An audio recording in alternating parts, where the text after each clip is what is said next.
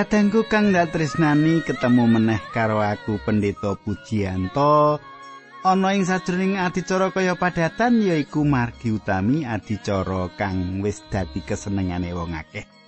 Awit kanthi adicara iki pancen nambahi kawruh kasukman, nambahi kawruh karohanin tumrap panjenengan kabeh awit saka iku tak suwun panjenengan tansah bisa nyediake waktu kanggo patemon-patemon kang penting iki. Kepiye kabari panjenengan katangku supaya panjenengan selamat aku sak kanca saka batu tansah ndongake panjenengan. Lan nyerak karo aku ing kene cawisake kitab suci supaya kita bisa sinau saka pangandikan Gusti Yesus iki. Sugeng midhangetake adicara iki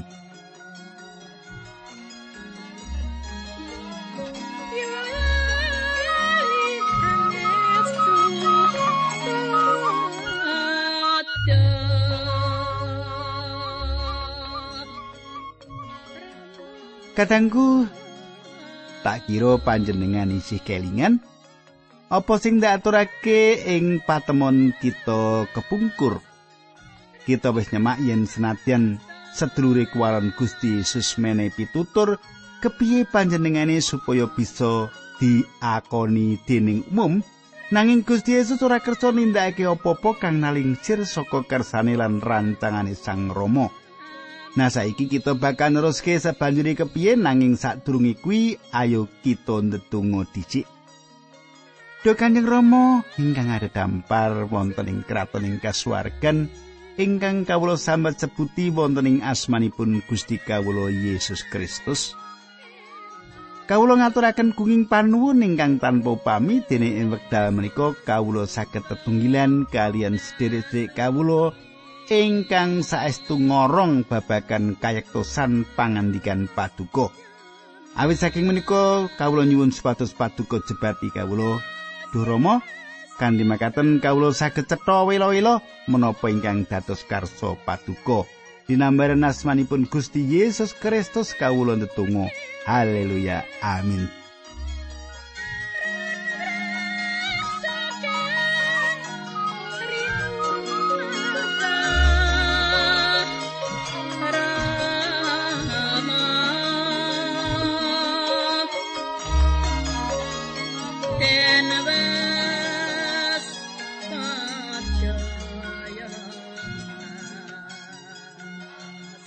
Kadangku kang dak tresnani kita nerusake pasinaon kita saiki kita wis ngancik Yohanes pasal pitu.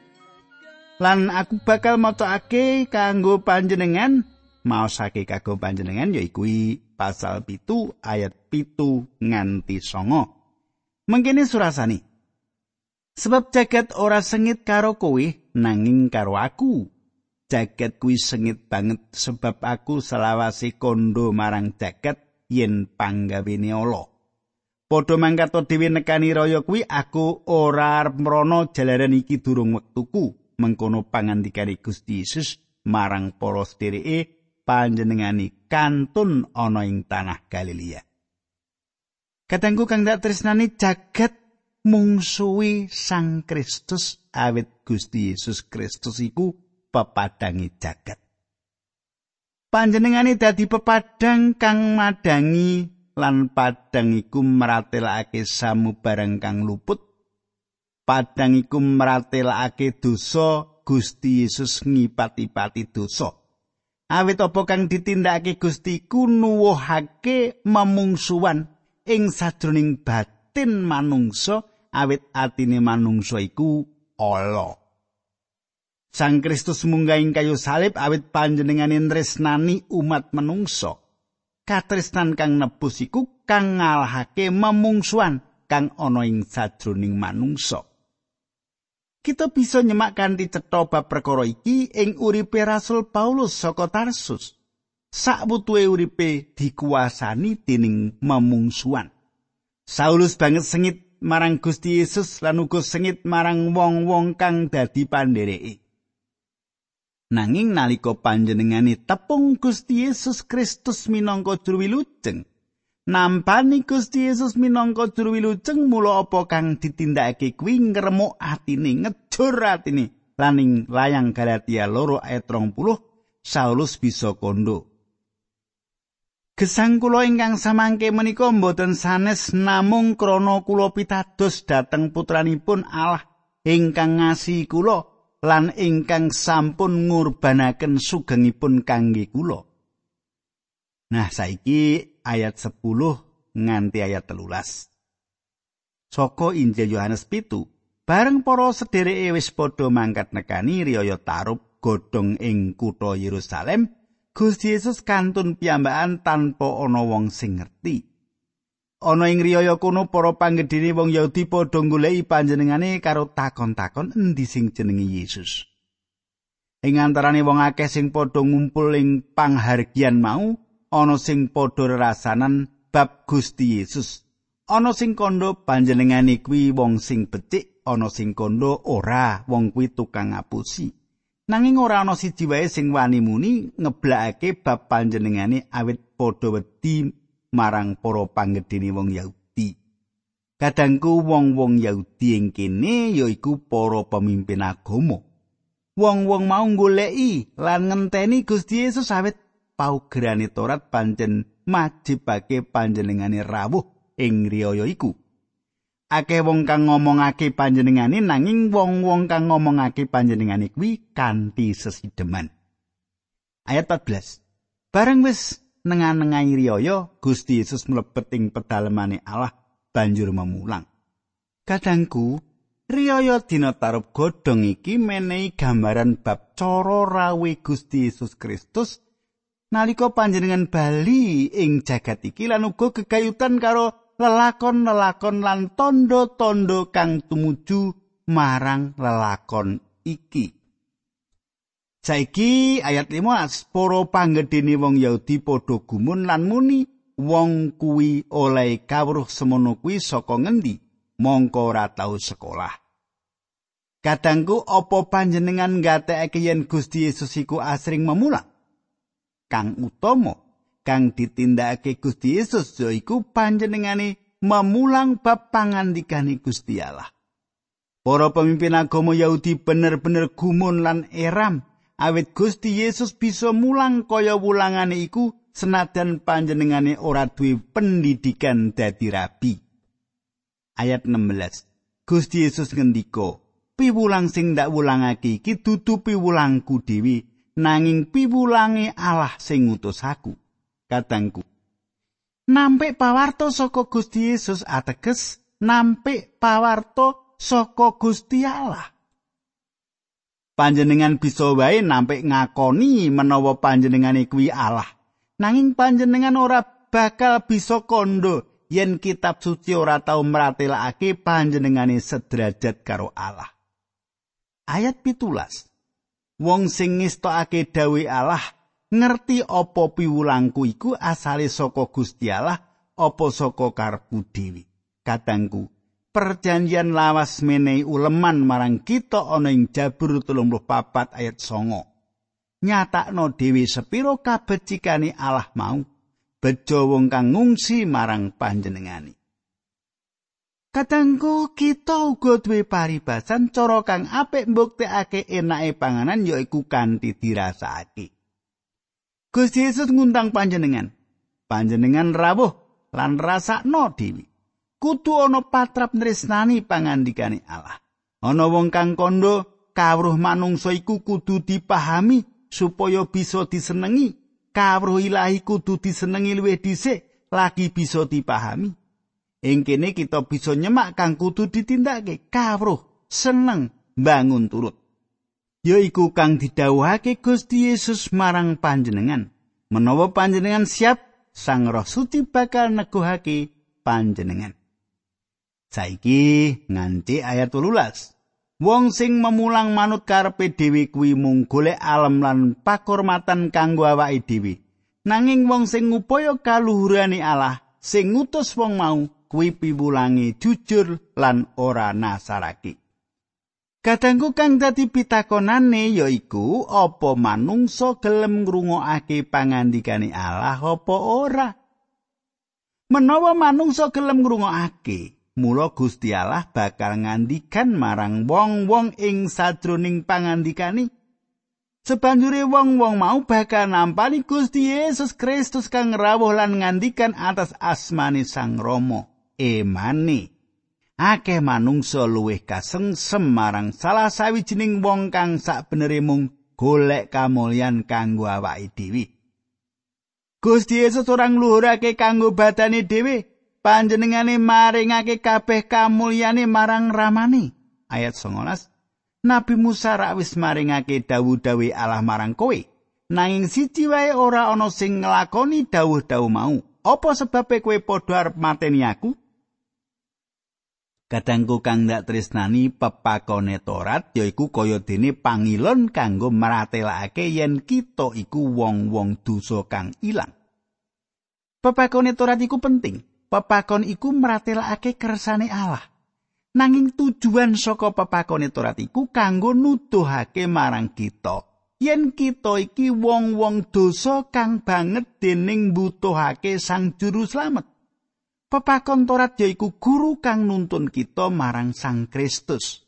Panjenengan bisa semak Galatia telu ayat 4 Saiki Yohanes pitu ayat 30 nganti selikur mengkene surasani. Wong akeh mau padha mangsuli, panjenengan menika mboten saras sinten ingkang badhe nyedani panjenengan. Gusti Yesus ngendika, aku mung lagi nindakake perkara siji sing ora lumrah, kowe wis padha gumun kabeh.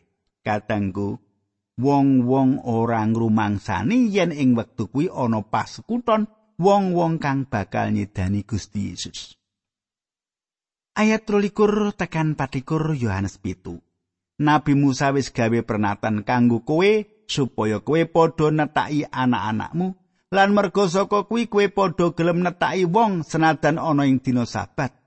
Mongko sak temene dudu Musa sing sekawit netaki wong nanging para leluhur kita sadurunge Nabi Musa. Yen kowe padha netaki wong ing dina sabat mung supaya aja nerak angger-anggere Nabi Musa, apa sebabe kowe padha panas atimu mergo aku marasake badan sekudur ing dina sabat? Aja padha ngukumi wong manut apa sing katon wae, nanging padha ngukumono kanthi adilan bener. Kadangku, sunat ya kuwi sawijining upacara kang wis ana wiwit jaman Rama Abraham lan iku luwih tuwa dibanding karo papakone Torat Musa. Gusti Yesus mbeberake marang wong-wong bab anggone ora imbang antarane tulisan karo apa kang ditindakake ana ing panguripane wong-wong mau. Ing pambudidaya kanggo mbangun turut marang pepakone Torat, wong-wong mau nerak pepakone Torat. Banjur Gusti Yesus ngilingake marang wong-wong mau atas patrap anggone ngukumi kang ora tulus. Kita uga nindakake penghakiman kang ora tulus awit kita ora paham kabeh fakta-fakta utawa lelakon-lelakon kang ana. Ayat selawi sawise kuwi ana wong sawetara saka kutha Yerusalem padha muni ra iki wong sing digoleki arep dipateni. Ayat 26 nganti 17 nanging coba delengen wong kuwi kok memulang ana ing ngarepe umum tanpa ana sing ganggu lan ora ana wong siji wae sing ngaru-arui Apa para penggede kita saiki wis percaya yen wong iku Sang Kristus? Jarene yen Sang Kristus rawuh wong padha ora ngerti asale saka ngendi, mongko tumrap wong iki kita padha ngerti saka ngendi asale. Katangku, sepisan maneh kita nyemak akeh beda panemu nggone nyawang Gusti Yesus iku. Ayat 28 nganti 29. Nalika Gusti Yesus memulang ana ing pedalemane Allah, panjenengane ngendika kelawan swara-swara, Apa kowe padha ngerti temenan sapa aku iki? Lan saka ngendi asalku? Tekaku ora saka karepku dhewe. Panjenengane sing ngutus aku kuwi ora goroh, nanging kowe padha ora wanuh karo panjenengane. Aku kang wanuh marang panjenengane lan ya panjenengane kuwi sing ngutus aku mrene. Katengku apa kang dingendikake Gusti Yesus iki sawijining tembung retoris utawa sindiran kang alus. Ayat 30. Wong-wong mau padha kepengin nyekel Gusti Yesus nanging ora ana sing wani sebab durung tekan mangsani. Kadangku banget gumunake senatan wong-wong mau pengin banget nyekel Gusti Yesus nanging wong-wong mau ora ana kang wani nganti wektu kang wis ditemtokake. Saiki Yohanan pitu ayat telung puluh siji nganti ayat telung puluh papat tak wacake mengkini surasani. Kejaba saka kuwi ing antarané wong akeh mau uga ora setitik cacahe sing percaya marang panjenengani. Wong-wong sing percaya mau padha muni saupama Sang Kristus sing dijanjake dening Gusti Allah kuwi rawuh, apa panjenengane ya bakal nindakake mukjizat luwih akeh ketimbang karo sing ditindakake dening wong iki? Para wong Farisi padha krungu enggone wong akeh padha rerasanan bab Gusti Yesus. Mulane bebarengan karo para pangareping imam banjur kongkonan para wong sing jaga pedalamane Allah sawetara supaya nyekel panjenengani. Pangandikane Gusti Yesus, nggonku awor karo kowe mung kari sedilo, sawise kuwi aku bakal bali suwan panjenengane sing ngutus aku. Kowe bakal padha goleki aku nanging ora bakal bisa nemokake sebab kowe ora bisa nekani papan sing tak enggoni. Pamirsa kang dak tresnani Gusti Yesus lagi ngandikan gegayutan karo nggone wungu saka sedo lan nggone bakal mingkrak. Wong-wong ora bakal wani nyinggol karo panjenengane maneh.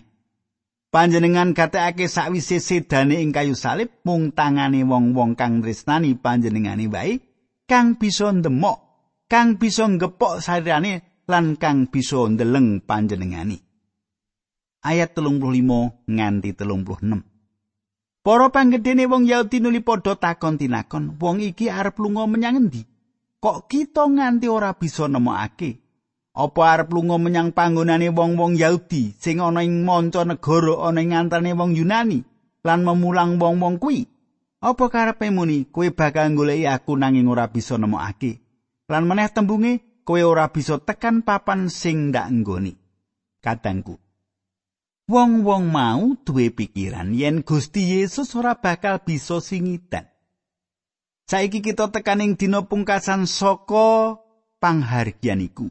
Wong-wong lagi ngrayakake sejarah ing ngendi Gusti Allah paring marang wong-wong mau banyu saka Gunung Karang nalika bangsa mau ngumbara ing ora samun. Paulus nyetakake yen watu karang iku yaiku Sang Kristus Coba panjenengan mengko semak siji Korintus 10 ayat 4. Panjenengan iku kang paring banyu kang sejati, yaiku banyu panguripan. Ayat telung puluh pitu saka Yohanes pitu. Dino pungkasaning riyaya kuwi dino sing penting dhewe. Ing dina mau Gusti Yesus jumeneng banjur ngendika kelawan sura wong sing ngelak. Padha mrene supaya ndak wene ngumbi. Katengku Gusti Allah lagi nawakake sawijining peparing kanggo panjenengan. Ing kene ana gagasan pemilihan. Pitakonane yaiku apa panjenengan ngelak? Bisa uga panjenengan wis akeh ngombe saka banyu jagat kang reget iki lan apa panjenengan wis ngrumangsani yen banyu jagat babar pisan bisa marakake marem lego. Panjenengan bisa sowan marang panjenengane lan nampeni panjenengane minangka juru wilujeng panjenengan. Ayat telung puluh wolu nganti telung puluh songo. Ing kitab suci ana tulisan mengkini, wong sing percaya marang aku, ana ing jeroning atine wong mau bakal mili banyu sing nguripake. Sing dingendikake dening Gusti Yesus kuwi bab roe Gusti Allah sing bakal diparingake marang wong sing padha percaya marang panjenengani. Sebab nalika semono Sang Roh Suci durung diparingake merga Gusti Yesus durung sumengko menyang swarga. Kadangku Sang Roh Suci durung diparingake nalika iku awit Gusti Yesus durung dimulyakake. Sang Roh Suci durung rawuh nganti ing dina riyaya Pentakosta. Rawuhe Sang Roh Suci ing wektu iku dadi jaminan yen Gusti Yesus wis tekan ing dampare Sang Rama. Ayat patang buluh, akeh wong sing padha ngrungokake pangandikane Gusti Yesus mau ing antarani wong-wong mau ana sing muni panjenengane kuwi mesti nabi. Katengku, Sawetara wong dadi pracaya lan mratobat marang panjenengane, wong-wong mau ngombe lan ngrasakake lega banget. Ayat patang siji nanging ana liyane meneh sing muni panjenengane kuwi Sang Kristus. Nanging uga ana wong sing muni, ah mosok Sang Kristus kok tekani saka tanah Galilea. Kadangku panjenengan gatekake ana wong pracaya nanging uga ana wong kang ora pracaya. Ayat patang loro. Ing kitab suci rak katulis yen Sang Kristus sing dijanjake dening Gusti Allah kuwi asale saka tedhake Sang Prabu Daud lan miyose ana ing Bethlehem ya kuwi kutha kelairane Sang Prabu Daud. Busana wong-wong mau padha padu dhewe perkara Gusti Yesus. Kadangku Gusti Yesus yaiku tedhak turuni Daud lan saka kampung Bethlehem. Lan ing kutha iku panjenengane dilairake. Kandang cilik kang sederhana ing kutha cilik sederhana iku papan panjenengane miwiti midhake sukune ana ing jagat iki. Gusti Yesus miwiti sugenge ana ing Bethlehem. Nanging panjenengane ora tetep ana ing kono sak suweni nindakake peladosane. Menawa wong-wong iku tenan-tenan kepengin ngerti, wong-wong mau bisa nyemak yen Gusti Yesus pancen lahir ana ing Bethlehem lan panjenengane genepi kabeh pameco. Panjenengan iku kang paring uleman marang manungsa supaya marani lan ngombe. Nanging wong-wong mau malah nampik panjenengani. Bakal ana beda panemu ing antarané manungsa gegayutan karo panjenengane kang sakbenere nganti dina rawi meneh nindakake panguasane. Ayat patang puluh papat. Ana wong sing arep padha nyekel Gusti Yesus nanging ora ana siji wae sing wani ngepok panjenengani.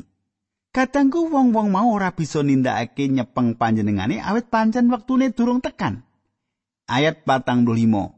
Para wong sing jaga pedalamane Allah wis sidawi nyekel Gusti Yesus padha bali meneh nekani para pangareping imam lan wong-wong Farisi, wong-wong mau padha ditakoni, "Apa sebabe wonge ora kok gawa mrene?" Ayat 46 mangsulane, "Wah, dereng nate wonten tiyang ingkang micara kados tiyang menika." Kadangku kang ndak tresnani kaya ngopo ngidap-idapine paseksi para tukang jaga iki. Gusti Yesus yaiku guru kang ngidap-idapi nanging dudu mung lumantar piwulangi nganti kita dislametake. panjenengane nyelametake kita lumantar sedo lan wungune. Ayat patang puluh pitu nganti seket telu. Yohanes pitu mengkini surasani. Wang surane wong-wong farisi lu. Apa kowe wis padha katut karo wong kuwi? Apa ana ing antarané para panggedhene Yahudi utawa wong farisi sing percaya marang wong mau? Kena ing laknat wong-wong geblek sing padha ora ngerti marang dawuh Taurat. Ing antarane wong-wong Parisi mau ana sing tau nemoni Gusti Yesus sing wayah bengi jenenge Nikodemus. Nikodemus mau nuli kondo karo wong-wong Parisi liya-liyani manut pernataning agami. Kita mboten kenging ngukum tiang saderengipun perkawisipun dipun preksa lan menawi kita dereng sumerep menapa ingkang katindakaken. E e e wangsulane para wong Parisi liyani menapa panjenengan inggih klebet golonganipun tiang Galilea? cobi panjenengan teliti saking kitab suci rak mboten wonten nabi ingkang asalipun saking tanah Galilea. Sawise kuwi wong kabeh banjur padha mulih saka pedalamane Allah ing kutha Yerusalem. Kadangku ya iku Nikodemus kang sowan marang Gusti Yesus ing sawijining wengi. Aku yakin yen bengi kuwi Nikodemus pracaya marang Gusti Yesus. Dheweke iku wong Farisi lan dheweke kang mbela Gusti Yesus. kanggo wong jaman iku tembung menapa panjenengan ugi tiyang Galilea. Tembung iki sawijining tembung kanggo ngenyek. Gusti Yesus sejatine ora saka Galilea lan uga dudu saka Bethlehem. Panjenengane asale saka kamulyan. Panjenengane rawi saka swarga.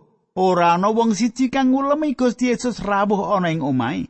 Ing wektu iku sejatine bengi riyaya nanging Gusti Yesus tindak menyang gumuk zaitun. apa panjenengan nampa ulemani kang indah kanthi mengkono panjenengan urip ana ing sadurunging katresnan lan pepadang awit pangantine. Kadangku banjur kepiye teruse perangan iki? Kita bakal nyemak ayat-ayat sak banjuri saka Injil Yohanes iki nanging wis mesti wae ora saiki lan kita bakal teruske ana ing adicara sak banjuri. Awit saka kuwi aja ngantek panjenengan ora ngrungokake awit sing tak andharake dina sak banjuri bakal nambahi berkah rohani kagem panjenengan. Ayo kita ndedonga dhisik. Duh Kanjeng Rama ing swarga matur nuwun menawi kawula sampun midhangetaken sabda pangandikan paduka. Kawula matur nuwun sanget Gusti Yesus, kawula pasrahaken samudayanipun wonten ing asta paduka lan tuntun kawula. Haleluya. Amin.